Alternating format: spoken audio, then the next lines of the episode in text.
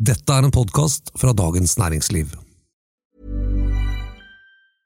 Hey, I'm Ryan Reynolds. At Mint Mobile, we like to do the opposite of what Big Wireless does. They charge you a lot, we charge you a little. So naturally, when they announced they'd be raising their prices due to inflation, we decided to deflate our prices due to not hating you. That's right. We're cutting the price of Mint Unlimited from $30 a month to just $15 a month. Give it a try at mintmobile.com slash switch. $45 upfront for three months plus taxes and fees. Promo rate for new customers for limited time. Unlimited more than 40 gigabytes per month. Slows. Full terms at mintmobile.com. Support comes from ServiceNow, the AI platform for business transformation. You've heard the hype around AI.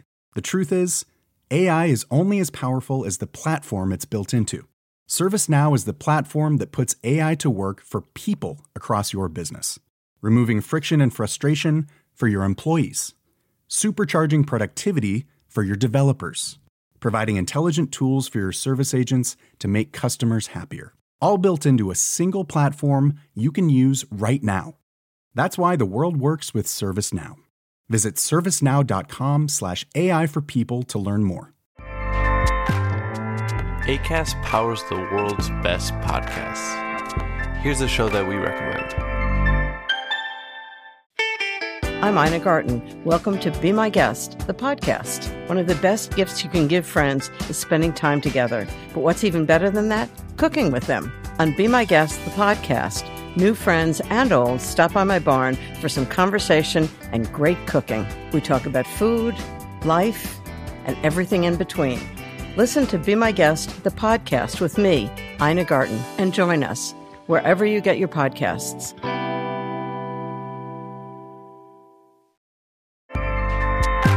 ACAST helps creators launch, grow, and monetize their podcasts everywhere.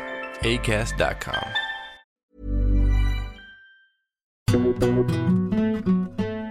Erna Solbergs politiske skjebne er neppe helt avklart. Og 22 forskere fra hele landet har lynanalysert misnøye- og skandalevalget 2023. Dette er den politiske situasjonen. En podkast fra Dagens Næringsliv om politikk med politisk redaktør Fridtjof Jacobsen og meg, kommentator Eva Grinde.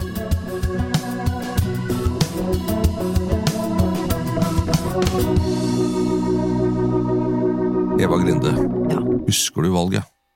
nesten ikke.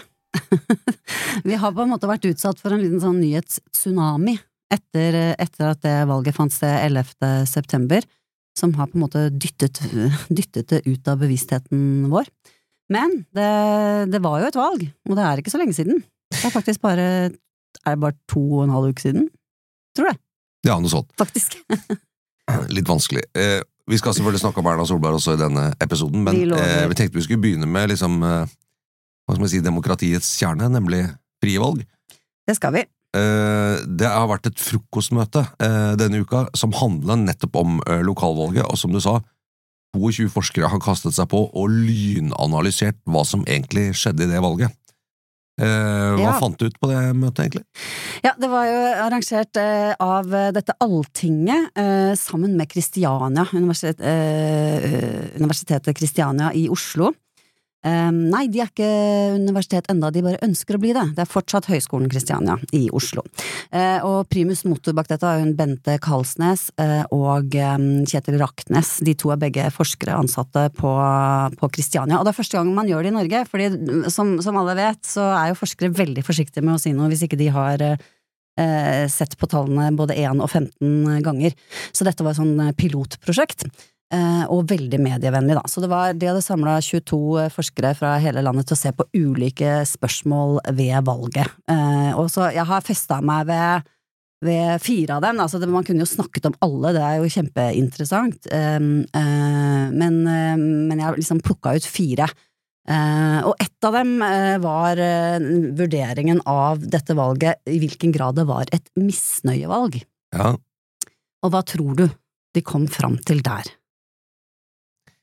Altså, ja eh, Jo, det ble i hvert fall sagt, og det, det var jo blitt en slags etablert sannhet, at uh, misnøyen med regjeringen, mm, eh, og spesielt da regjeringspartiene, Arbeiderpartiet og Senterpartiet, skulle på en måte skulle slå inn i lokalvalget, selv om lokalpolitikken var frikoblet uh, fra regjeringspolitikk, Og så så vi jo i noen valgkamper, eksempel i Stavanger med Kari Nessa Nordtun, og i Oslo med Raymond Johansen, at deres materiell og deres eh, liksom, tilbakevendende budskap var å prøve å Ja. minne folk om at dette er et lokalvalg, det har ikke noe med regjeringen å gjøre, du stemmer ikke på Jonas eller Erna, eller som det var i Eller på? Stem på Kari, som det Mm. sto i, i, på, på T-skjortene i Stavanger. Mm. Eh, Så, så det jeg har, hvert fall, når jeg hører ordet misnøye, så var det sånn hvor mye vil misnøyen med regjeringen slå inn i lokalvalget? Det var vel det jeg tenkte på. Ja, det, og det var nettopp det de hadde eh, sett på, og eh, det som ble da understreket er at det er veldig vanlig at hvis det er litt grann problematiske tider, så slår det ut for regjeringspartier. Så det er ikke noe sånn derre bombe. Men det som, eh, som er påtagelig med dette valget, er at det gjorde det i veldig stor grad. I uvanlig stor grad så har eh, regjeringspartiene også i lokalvalget eh, gått ned. Så, så er det selvfølgelig liksom det å slå fast den kausale sammenhengen, da. Altså hvorvidt det ene førte til det andre. Det, så langt går jo ikke disse forskerne etter, etter 14 dager, men det man ser er i hvert fall at at i, i uvanlig høy grad så har Senterpartiet og Arbeiderpartiet eh, lidd under sin, sin regjeringsperiode i form av eh, oppslutning. Mm. Sånn at eh, mm, hvis man ser liksom over de siste tiårene, så, så ligger Så er liksom folkets eh, eh, vurdering av regjeringen ligger sånn mer eller mindre rundt 70% positivt. Og så ser du på, ser du på Arbeiderpartiet, for eksempel. Etter, etter at de kom i regjering, så har det dalt ned til 52% og det er ganske signifikant. Altså, denne, denne regjeringen er veldig upopulær. Lav approval rate, som det ville hett Ja, i det er USA. det. Ja. Det er jo ikke det at vi ikke har lagt merke til at de sliter, men det er altså tallene også viser dette her eh, eh, til fulle, da. Så Og, og de ser også da eh, opp mot eh, prosenten av oppslutningen i valget at det, det, et, det i hvert fall kan se ut som det er en sammenheng da mellom denne lave tilfredsheten Ja. med regjeringen og oppslutningen i lokalvalget. ja, og så er jo selvfølgelig kronen eh, 100 000 millioner kroner-spørsmålet. Eh, eh, eh, hva er det med regjeringen som gjør den så eh, ubeskrivelig upopulær? Og der, eh, der, der er jo ikke der kommer det jo ikke en, en masse sånne bastante teorier fra, fra forskerne foreløpig. Altså, det- den eneste ja, hypotesen de egentlig legger fram, er det at, eh, at, det, at den regjeringen har vært ansvarlig i en veldig vanskelig tid. Med, altså, sånn at de legger mye vekt på å trekke fram dette med økonomien til folk, da. Lommeboka. Lommebokvalget. Ja. Ok. Så ja. Eh, det ble også sagt, jeg vet ikke om de var inne på det, at, at denne eh, på en måte nasjonale misnøyen med regjeringspartiene, og kanskje spesielt med Arbeiderpartiet, da, ville slå eh, større inn i de store byene enn i mindre kommuner, at de er lettere påvirkelige for, for på en måte nasjonal politikk. Sa de noe om det? Kom ikke inn på det, men det er jo en sånn kjent Det er jo et kjent mønster fra tidligere valg også, at det er særlig byene som er, som er aller mest påvirket av nasjonale strømninger, og byene også dertil viktige for, de, for partiene å vinne, også med tanke på liksom stortingsvalget to år etter, fordi man bruker byene i større grad som et slags utstillingsvindu og test, testområde for sin politikk, og få vist fram hva de står for til stortingsvalget etterpå. Så, Ja. Og Det betyr vel at Arbeiderpartiet har en ekstra skvis, ettersom Senterpartiet har ikke akkurat byene som sitt største politiske måte, åker og høst av, Ja. men at Arbeiderpartiet eh, får en ekstra trøkk der, da. Mm.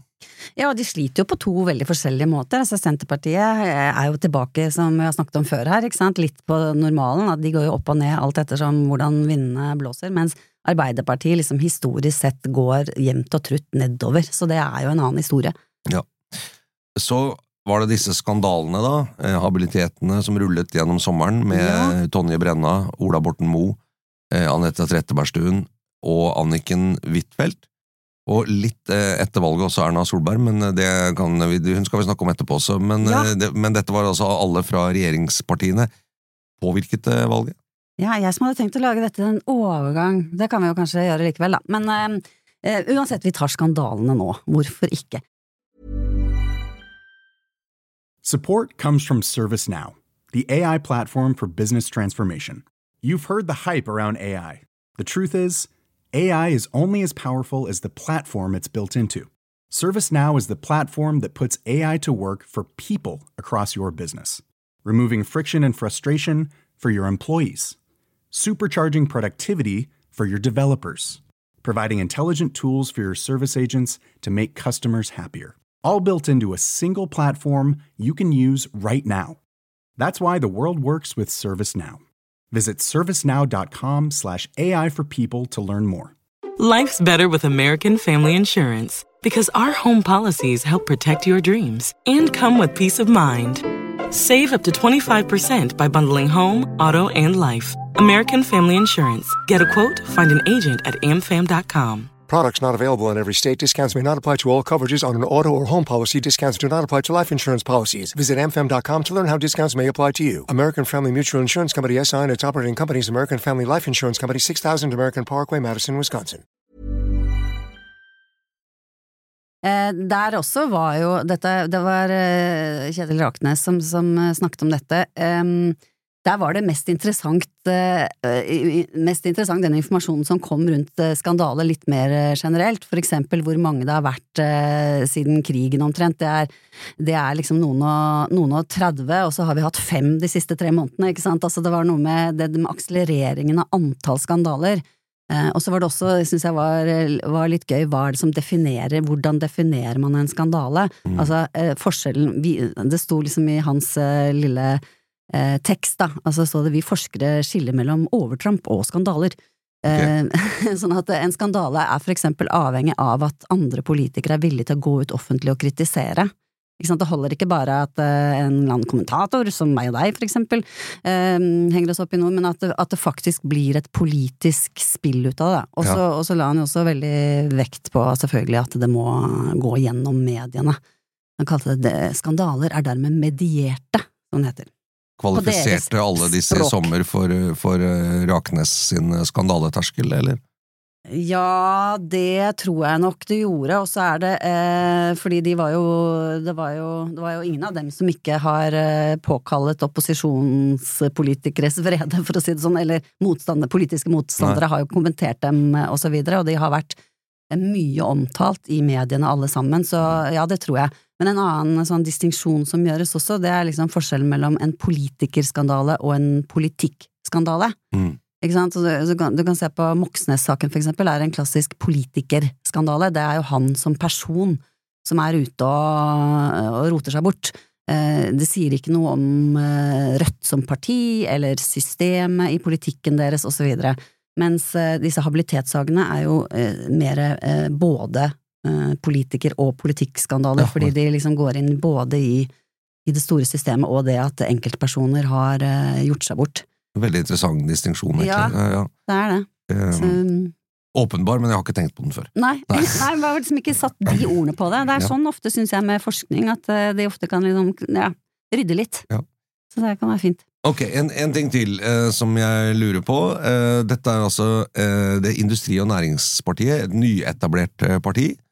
Eh, og som gjorde det relativt eh, oppsiktsvekkende godt, får man si, i dette lokalvalget. Eh, ble ikke helt sånn det nye bompengepartiet som eh, liksom, eh, fikk veldig stor oppslutning, sånn som de gjorde i Bergen eller Stavanger, Sandnes og sånn, men, men likevel, hva, hva sa man om det? Er det en døgnflue, eller er dette et nytt parti som har etablert seg nå i den norske partifloraen, så vi får enda et parti? Ja, dette her er jo veldig spennende, for de gjorde jo et skikkelig bra valg. Eh, 3 på landsbasis for et helt nytt parti etablert i 2020, det er, det er veldig mye, og i enkelte kommuner eh, over 15 ikke sant, vestlandskommuner, og også i, i Nordland, i Vega for eksempel. Mm. Så både i nord og i vest så, så gjorde de det eh, veldig bra. Og så, så det var nettopp den sammenligningen som ble gjort da, med den eh, Nei til bompenger-partiet fra, for fire år siden.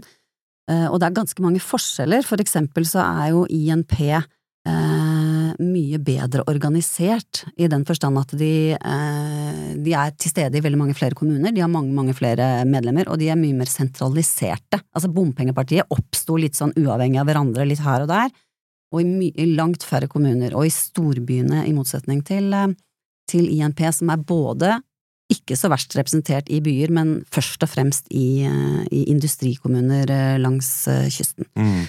Sånn at det, det kan jo se ut som eh, Jeg syns eh, igjen så Vi syns jo, vi journalister syns jo forskere er veldig forsiktige mange ganger. sånn at Der endte jo liksom konklusjonen med at eh, det blir spennende og vi må vente og se. Det er umulig å si om det er en døgnflue eller, eller ikke, men jeg, jeg syns jo det kan se ut som det ligger mer til rette for at dette kan vare lenger da enn Bompengepartiet, også fordi de forsøker å ha en mye bredere politikk. Det er ikke bare skepsis til klima og ja til oljen, ikke sant. De har, eh, de har også eh, for eksempel en, en, kampsak som går ut på mer fødselspermisjon til mor, og sånt. Mm. så de, de, er liksom allerede mye bredere, da. Men det er ikke sikkert alt det de står for, henger sammen. Det tror jeg de kommer til å oppdage etter hvert. Og så er det veldig mange nye politikere, ikke sant. Altså, de er, ja. de er Så det blir jo spennende å se hvordan de greier seg når, når man skal inn i politikken og gjøre gjøre kompromisser og forholde seg til en masse saker som de kanskje ikke har tatt stilling til, videre. Det, jo, eh, det blir vel oppfattet som mange nye partier litt som en trussel mot det bestående. Og det har vel dekningen også båret litt eh, preg av. Eh, eh, bestående er mot den liksom bestående, etablerte politiske ja. bobla, eller hva man skal si. Mm. Nye partier har jo ofte en, de, de, vil jo ofte ta den posisjonen og så si at vi er på utsiden, vi utfordrer utenifra osv., og, så og dermed Det er jo et protestparti. Ja, ja, de, ja jeg syns de, de, har blitt mm. beskrevet som det, men så hvis jeg begynte å se på det, så jeg tenker at, jeg, at det, det, er litt interessant, for av det bestående politiske, og kanskje vi som presse også må gå litt i oss selv med det, at vi har, vi har en skepsis mot nye partier, hvor vi avskriver det ofte litt som en sånn å, det er et protestparti, det er ikke seriøst. Eh, det er amatør, altså og så videre, ikke sant, og INP har jo fått noen sånne saker. Eh, men det er jo i og for seg et sunt tegn ved demokratiet, mener jeg, hvis man har felles interesser og organiserer seg og søker representasjon, som jo et parti er. Men jeg oppfatter vel at INP blir, blir oppfattet som en trussel mot det bestående av det bestående politiske, men, men INP bunner vel ut i en slags redsel for at det bestående er under trussel, ikke sant? At jeg oppfatter at det er litt konservativt parti også si at vi, vi skal være et industrinasjon. Eh, vi er mot de som sier vi skal, for skal legge ned eller redusere oljeaktivitet, for jeg mener det er en helt grunnleggende ting i Norge for vår velstand, og som sysselsetter en masse mennesker som tjener ganske gode penger. Eh, mm. Det er sånn tilbakeskuende, nostalgisk type protest her, ikke sant, og det er jo ikke helt uvanlig det heller, da, at man er litt redd for at endringene skjer for fort. Eh, Norge blir for, liksom, for tett knyttet til resten av verden, altså de vil ta vare på, på Norge, beskytte strømprisen, ikke gjøre noe med oljenæringen. En, en del sånne ting som, som, eh, som, handler om å ta vare på et Norge som de mener det er verdt å ta vare på, da, som de er redd for at det er i ferd med å ja, og, og, som du sier, også kanskje en, eh, i hvert fall litt på den konservative mm. siden i verdispørsmål eh, og ting som har kanskje med likestilling og sånne ting å gjøre. Ik ikke noe anti-likestillingsparti, for all del, men men litt mer, la meg si at man, har et spekter der i kan man si, verdisynet. Kanskje mm. litt for tradisjonellhet i verdisynet sammenlignet med mer partier som er ute på den andre siden. Eh, jeg vet ikke hvordan de er i sånn trans og den og to, liksom to kjønn og sånne spørsmål. Jeg vet ikke om de har kommet dit ennå. Eh, men, men jeg syns jo at egentlig dette er en Eh, dette er, mener jeg, er en veldig gjenkjennelig og tradisjonell og helt grunnleggende politisk impuls. Ut fra skillet mellom det konservative og sosialdemokratiet. Noen vil bevare, noen vil eh, forandre. Mm. Eh, og et eller annet sted i midten der så må man finne. Forandrer man for fort, så får man en oppslutning rundt det konservative. Eh, forandrer man for langsomt, så vil jo kanskje det, sant, det progressive komme fram. Så, hvis man, så INP jeg syns kanskje beskrivelsen at vi må jobbe litt med, med å skjønne at det, dette er et ganske sånn Det er et normalt politisk, eh, en normal politisk impuls som kommer når man står foran det som kan være ganske store samfunnsendringer, mm. og så kommer det også en tid da hvor, hvor økonomien eh, til folk er dårligere, eh, og man kanskje står i ferd for å miste noe man har hatt, eksempel velstand, eh, reallønnsøkninger osv. Det, det er ganske naturlig at du får en, en sånn politisk stemning, da. Ja, Kanskje litt rart at ingen partier som... har tatt det opp i seg? Ja, ja nei, det ble sagt, snakket litt om um, fordi at eh, det var en sånn Man kan tenke at det er en formodning at, at INP tar stemmer fra Fremskrittspartiet og Senterpartiet, som på ulike måter har vært disse protestpartiene, ikke sant, og også på ulike måter er litt sånn ta vare på Norge og ja, det gode mm. gamle og sånn. Mm. Eh, Frp er litt mer sammensatt, da. Men det som var interessant, er at uh, INP tar langt flere velgere fra Arbeiderpartiet og Høyre, mm. som jo er liksom uh, som, er, som, er, som, jo er establishment. Så det, det, er jo litt interessant. Men eh, jeg vet ikke om jeg har, jeg har hørt så veldig at de har liksom blitt latterliggjort så, sånn som du Eller det hørtes ut som du mener at de er blitt det, men eh, eh, Kanskje litt på grunn av den der klimaskepsisen. Den, den tror jeg kanskje at er, den er litt lett å gjøre litt narr av. Ja, Der, der hørte vi jo liksom til og med klimaminister Espen Barth Eide på TV begynne å snakke om at det liksom nærmest assosierer med Flat Earth Society og sånne ting. Ja. Um, så Ja, nei, ikke gjort narr av, men, men kanskje ikke tatt helt på alvor. Eh, de fikk ikke være med i partilederdebattene eh, til NRK.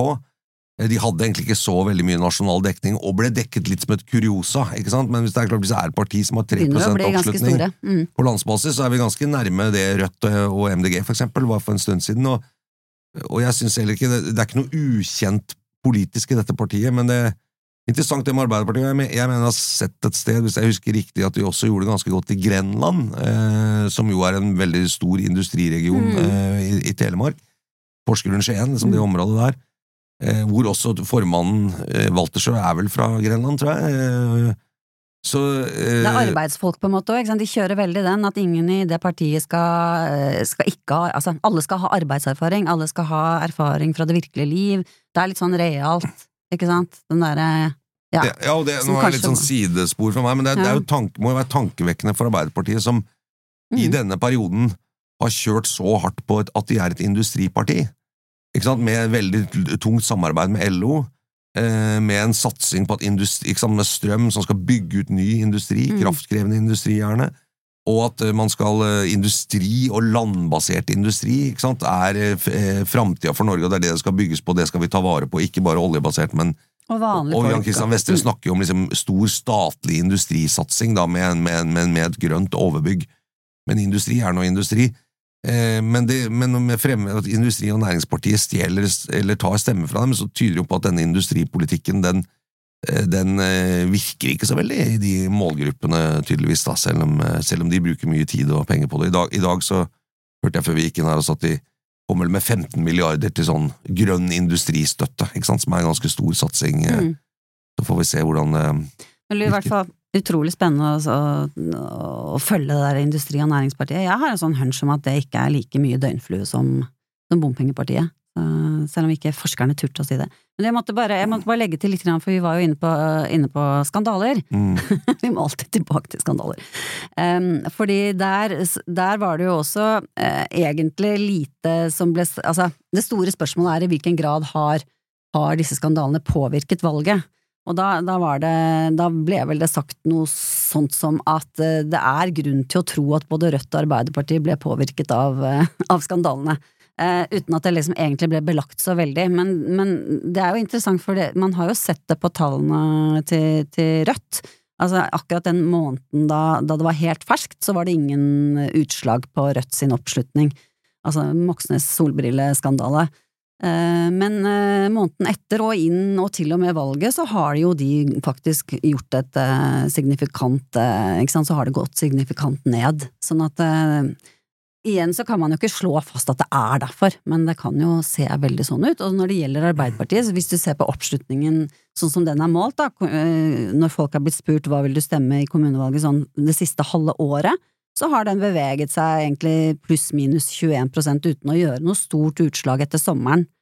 Men det man kan tenke seg, er at de kanskje hadde egentlig fått en opptur inn, inn i valgkampen, at de hadde greid eh, At det, det, skandalene førte til at de ikke fikk den oppturen de ellers ville hatt. mm. Eh, Jonas Gahr Støre på landsstyremøtet denne uka da han talte til landsstyret, trakk jo frem habilitetsskandalene. Ja. Som at det hadde hatt en ne veldig negativ effekt for Arbeiderpartiets valgkamp, og dermed også resultatet, vil jeg tro. Eh, og, om, og som han sa, fordi det også hadde tatt oppmerksomhet i partiorganisasjonen, så når han skulle forklare nedturen, som egentlig var hans jobb i den talen, så var det en av de konkrete tingene han trakk frem som hadde hatt innvirkning. Var i hvert fall hans take på det. Ja, det er klart at de må, at de må ha rammet hele valgkamporganisasjonen og alle som sto på sted, altså følelsen og eh, ja, godfølelsen, på en måte, ingen tvil, men, men altså, tallenes tale er sånn at det ikke hadde noen sånne voldsomme utslag, men at det, de, de, de kanskje kunne ha økt, med mindre de hadde hatt disse problemene. Ja, det er jo ikke, det er ikke uvant i valget av og til Nei, at er det. Arbeiderpartiet går litt opp på slutten i oppslutning, fordi de har et ganske stort valgkampmaskineri er med, med mye ressurser. Mm. Men den siste saken øh, og, og, som øh, jeg skal spørre om, i hvert fall, som de kanskje var innom, nemlig lakseskatten. Ja, Eh, hvordan så man det da i, i lakse- og kystkommunene? Ja, nei, hva, der skulle man jo tro at eh, det var et et ekstra, en ekstra nedtur for Senterpartiet og Arbeiderpartiet, som jo på en måte mm, kom med dette veldig lite populære mm, eh, Denne veldig lite populære skatten eh, i 2022. Eh, det eneste man kan se der, er at Fremskrittspartiet går markant frem i oppdrettskommuner. Altså, for det man så på var liksom, gikk Arbeiderpartiet, Senterpartiet ned, og Høyre og Fremskrittspartiet opp, Mm. ikke sant? Eh, så det eneste signifikante resultatet de kunne, hadde kommet fram til, det var at Frp hadde tjent på dette. Mm. Så, eh, så tallene sier det.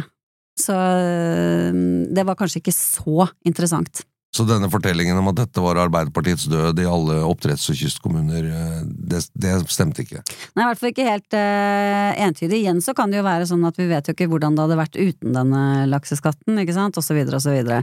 Sånn at det, det krever jo mer enn bare akkurat uh, tallene, men det var ikke noe sånn tydelig at der har de virkelig lidd nederlag i de kommunene der hvor det er viktig. Mm. Nei. Så, Nederlag.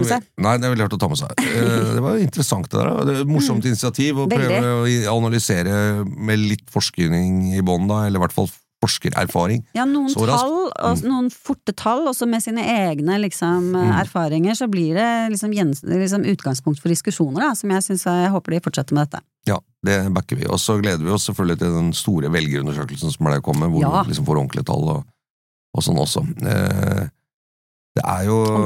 Ja, jeg synes at det, var, Hvis du skal oppsummere det her med Industri- og Næringspartiet, nyetablering av partier, lav terskel for å få opp et parti, og det kan bety noe, og den derre litt eh, hva skal man si, konservative impulsen Jeg vil ikke være litt forsiktig med ordet reaksjonær. Kunne kanskje sagt det òg. Men nå fikk jeg sagt det. Eh, men eh, men den, eh, den tror jeg må håndteres på en eller annen måte. Man er nødt til å treffe på det. Det der man, man må gå fremover, men ikke for fort. Det tror jeg Det å finne timingen der. Ja. Eh, men vi skal se både fremover og bakover. Da er vi over på neste sak her. Ja, vi er jo det. Jeg Der ser vi nå bakover for å se fremover. Er det ikke, kan Jo. ikke si det? Og, og akkurat nå. Akkurat nå Ja. også. Men jeg, jeg lurer på, Fridtjof, hvis vi kan begynne der. Hva tror du nå? Er Erna Solberg statsministerkandidat i 2025? Da, da, da, da, da, da. Ja, den er Den er seig. Hvis vi skal snakke om dette hver uke, så spiller det ikke så stor rolle hva man sier. Nei, jeg, jeg, vil- hvis, hvis, Vi kan ikke være sikre på noen ting. Hvis vi sier at har hatt en pil, da, eh, sånn fi- Ja. så på liksom 50-50, ja, Mm. så vil jeg si at eh, sjansene tror jeg er noe litt redusert fra sist gang vi snakket om dette, hvor jeg, hvor jeg, jeg tror fortsatt at det er hun selv som avgjør det, der Mm. vi står nå. Eh, Men jeg tror det, det ser litt vanskeligere ut enn det det, enn det det gjorde for en uke siden. Mm. Det er jeg enig i. Er du enig? Jeg er enig i det. Ja, er det dumt? Ja, det var litt ja, okay, kjedelig for diskusjonens skyld. Nei, jeg tror, tror også at den pendelen har svingt den, den uh, veien. Det var jo litt sånn etter uh, Ernas store intervjumaraton, så var det en litt sånn følelse av at uh, nå har hun parkert kritikken, er- nå er vi har i hvert fall fått seg en lang pause, og hun står han av, liksom.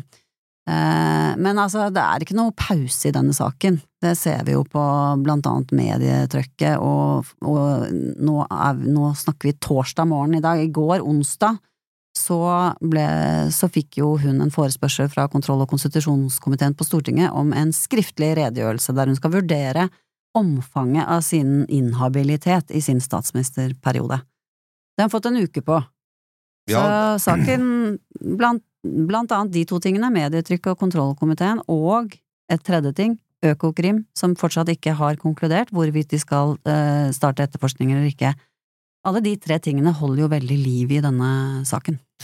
Ja, for jeg tror det som er kommet fram et, eh, i denne uken, og som var litt utydelig forrige uke, eh, hvor det var mye å forholde seg til, da, både det private mellom eh, Erna Solberg og Sindre Finnes, eh, som jo var dramatisk nok i seg selv, Eh, og så eh, selvfølgelig dette noen sånne, hva skal man si, medietidslinjer med når skulle hun snakke, så skulle hun gi alle disse intervjuene, omfanget av intervjuer, altså det var en sånn metadimensjon også, Ja. som eh, var inne der.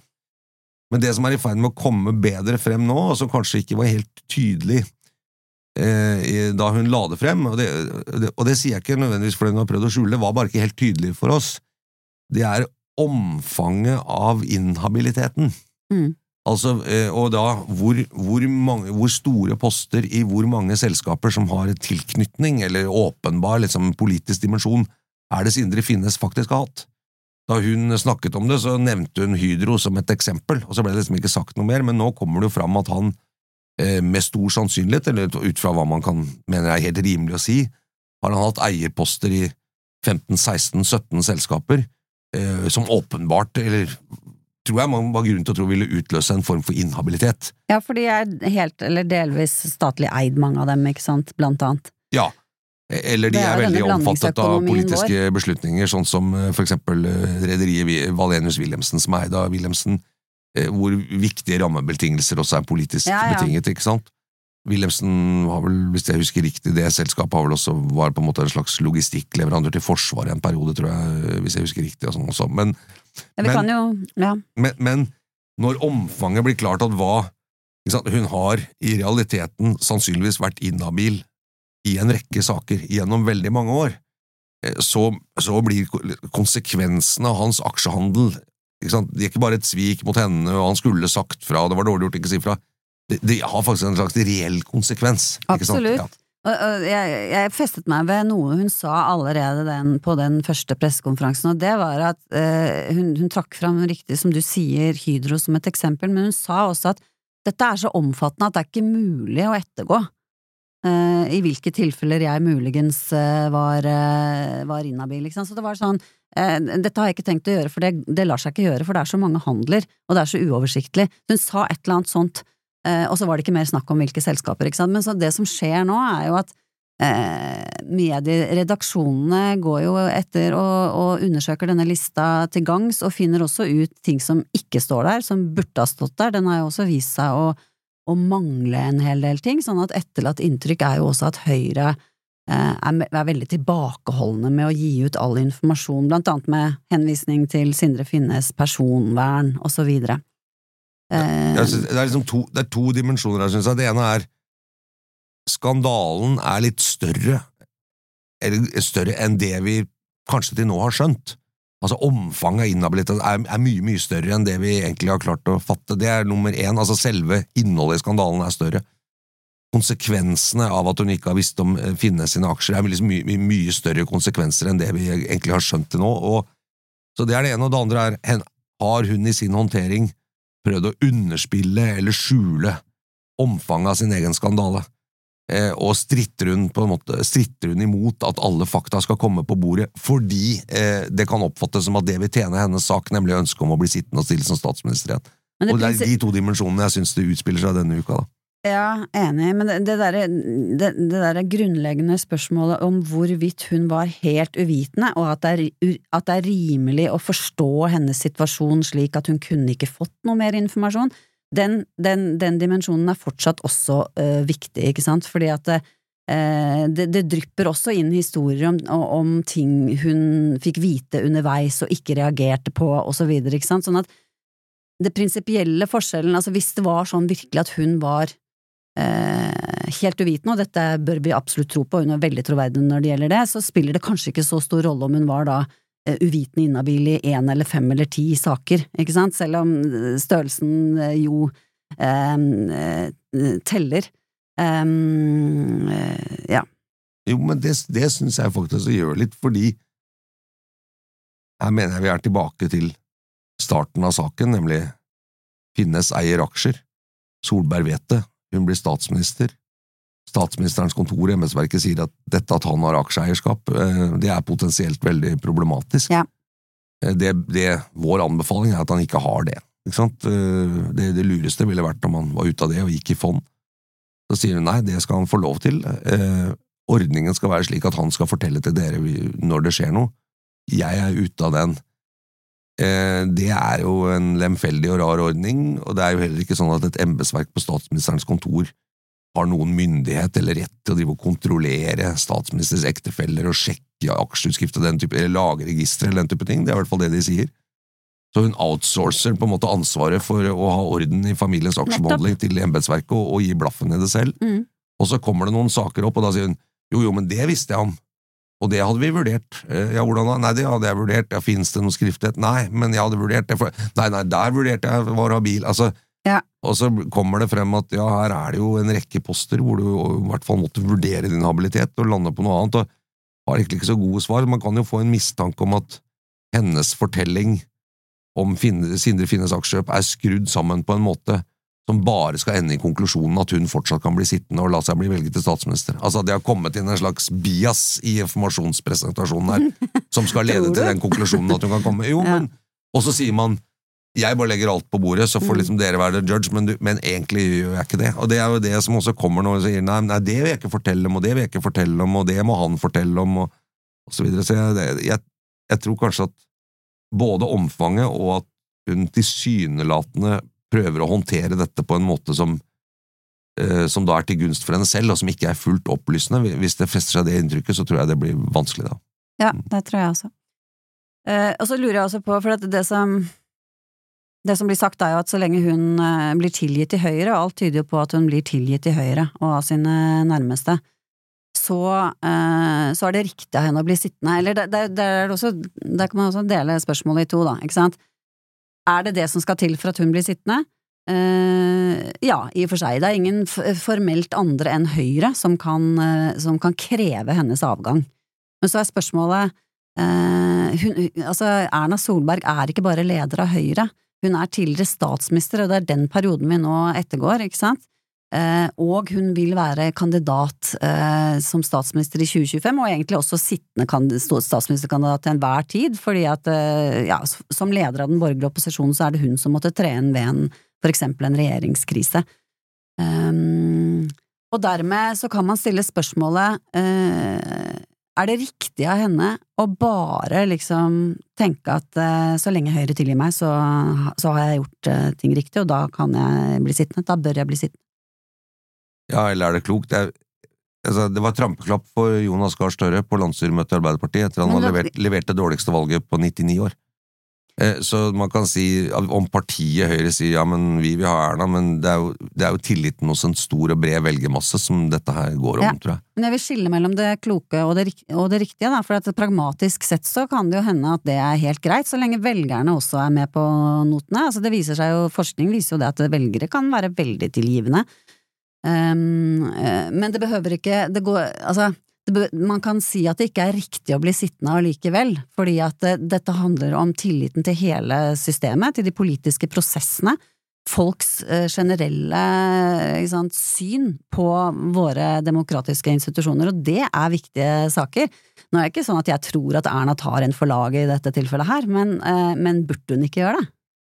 Jo, det mener jeg. Normativt mener jeg det. Normativt. Og, det men Vi de sier det med full det respekt for Erna Solbergs eh, Mm. betydelige innsats, både som Høyre-leder og, og statsminister. Eh, Det er klart, Erna Solberg har viet eh, omtrent hele livet sitt til, til liksom politikk. Eh, og, og, og stått på, men, men, jeg, men det er nettopp den ansvarsdimensjonen, da, at hvis man ikke klarer å oppfylle sitt ansvar, og det har hun ikke klart, det tror jeg bare vi må slå fast. Hun hadde et åpenbart ansvar for dette, det, som ikke klarte å oppfylle. Og, og på en måte, hvis- konsekvensene nemlig er liksom en, en rekke da, eh, tilhørende habilitetsutfordringer, ikke én gang, men vedvarende gjennom hele en statsministerperiode, så, så liksom, da mener jeg omfanget av skandalen er stort, eh, ansvaret er åpenbart, det bør lede til en konsekvens. Jeg- Hvis ikke, hvor ligger terskelen for hva man da faktisk skal ta konsekvensen av? Jeg mener den store forskjellen ikke er mellom én og mange habilitetssaker, men mellom burde hun ha visst og, og var det troverdig uvitende. Eh, for at det, og jeg mener at eh, hun har problemer med å få det til å bli veldig troverdig. Jeg tror heller jeg, jeg- mener det er så mange tegn underveis på at han eh, fortsetter med aksjer. Oi, det viste seg han hadde noen nye aksjer. Oi, da måtte han selge seg ned. Oi, han hadde plutselig 1,1 mer i, formue, og så videre. Jeg tror at Jeg syns et, et inntrykk man kan få, da, ja, er at, eh, at også Erna Solberg har sett litt gjennom fingrene, det, ikke syns at dette har vært så alvorlig at det er nødvendig å være veldig, veldig sånn eh, streng på å, å kontrollere hva slags aksjer han har. Det er i hvert fall ikke noen spor etter at hun har vært veldig opptatt eller aktsom det. på dette, selv Nei. om det ble presentert som en betydelig mulig utfordring da hun kom på. Det tror jeg vi kan si. Ja. Og Men helt nå er vi inne i det normative igjen, ikke sant? Eh, Det er bra, det. ja, ja, det det skal bra. vi være. Vi skal det. Vi kan få lov til det Vi får se neste uke hvor pila står da. Kan Ja. ikke si det? Ja. Det blir mm, ukespil. ja. Den politiske situasjonen er en podkast fra Dagens Næringsliv og Politikk med kommentator Eva Grinde og meg, politisk redaktør Fridtjof Jacobsen. Produsent er Gunnar Bløndal. Og du kan høre oss hver uke. Det kan du. Vi er tilbake om en uke. Ha det bra! Ha det.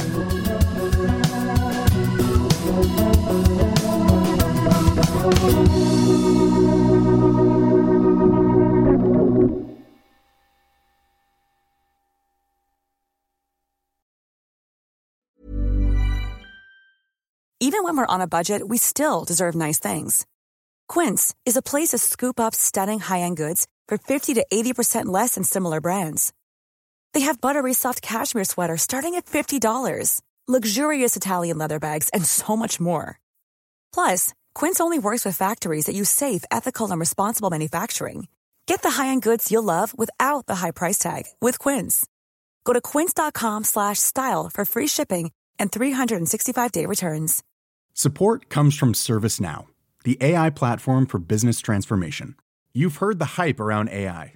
The truth is, AI is only as powerful as the platform it's built into.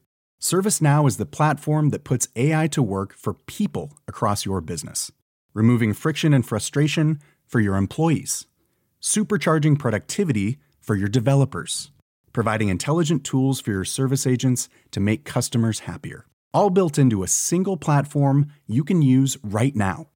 That's why the world works with ServiceNow. Visit servicenow.com slash AI for people to learn more. ACAST powers the world's best podcasts. Here's a show that we recommend. Welcome back to Two Judgy Girls. I'm Mary from the Bay. And I'm Courtney from LA. TJG is the podcast where we spill all the tea on your favorite reality TV shows, celebrity gossip, and everything in between. We're here to bring you our unfiltered opinions, hilarious commentary, and plenty of laughs along the way. We're two SDSU Delta Gamma sisters with a microphone and a whole lot of opinions. Each week, we dive headfirst into the wild world of reality television. From Bravo to all the trash TV you could want. We break down the drama, dissect the latest scandals, and share our thoughts on everything from the jaw dropping moments to the embarrassing antics. But that's not all. We're not here to just gossip. We're here to connect with you, the jurors, and share our love of all things pop culture. Whether we're dishing on the latest celebrity breakups, discussing our favorite guilty pleasure movies, or sharing embarrassing stories from our own lives, we promise to keep it real, keep it fun, and keep you coming back for more. Come judge with us. ACAST helps creators launch, grow, and monetize their podcasts everywhere. ACAST.com. Du har nå hørt en podkast fra Dagens Næringsliv.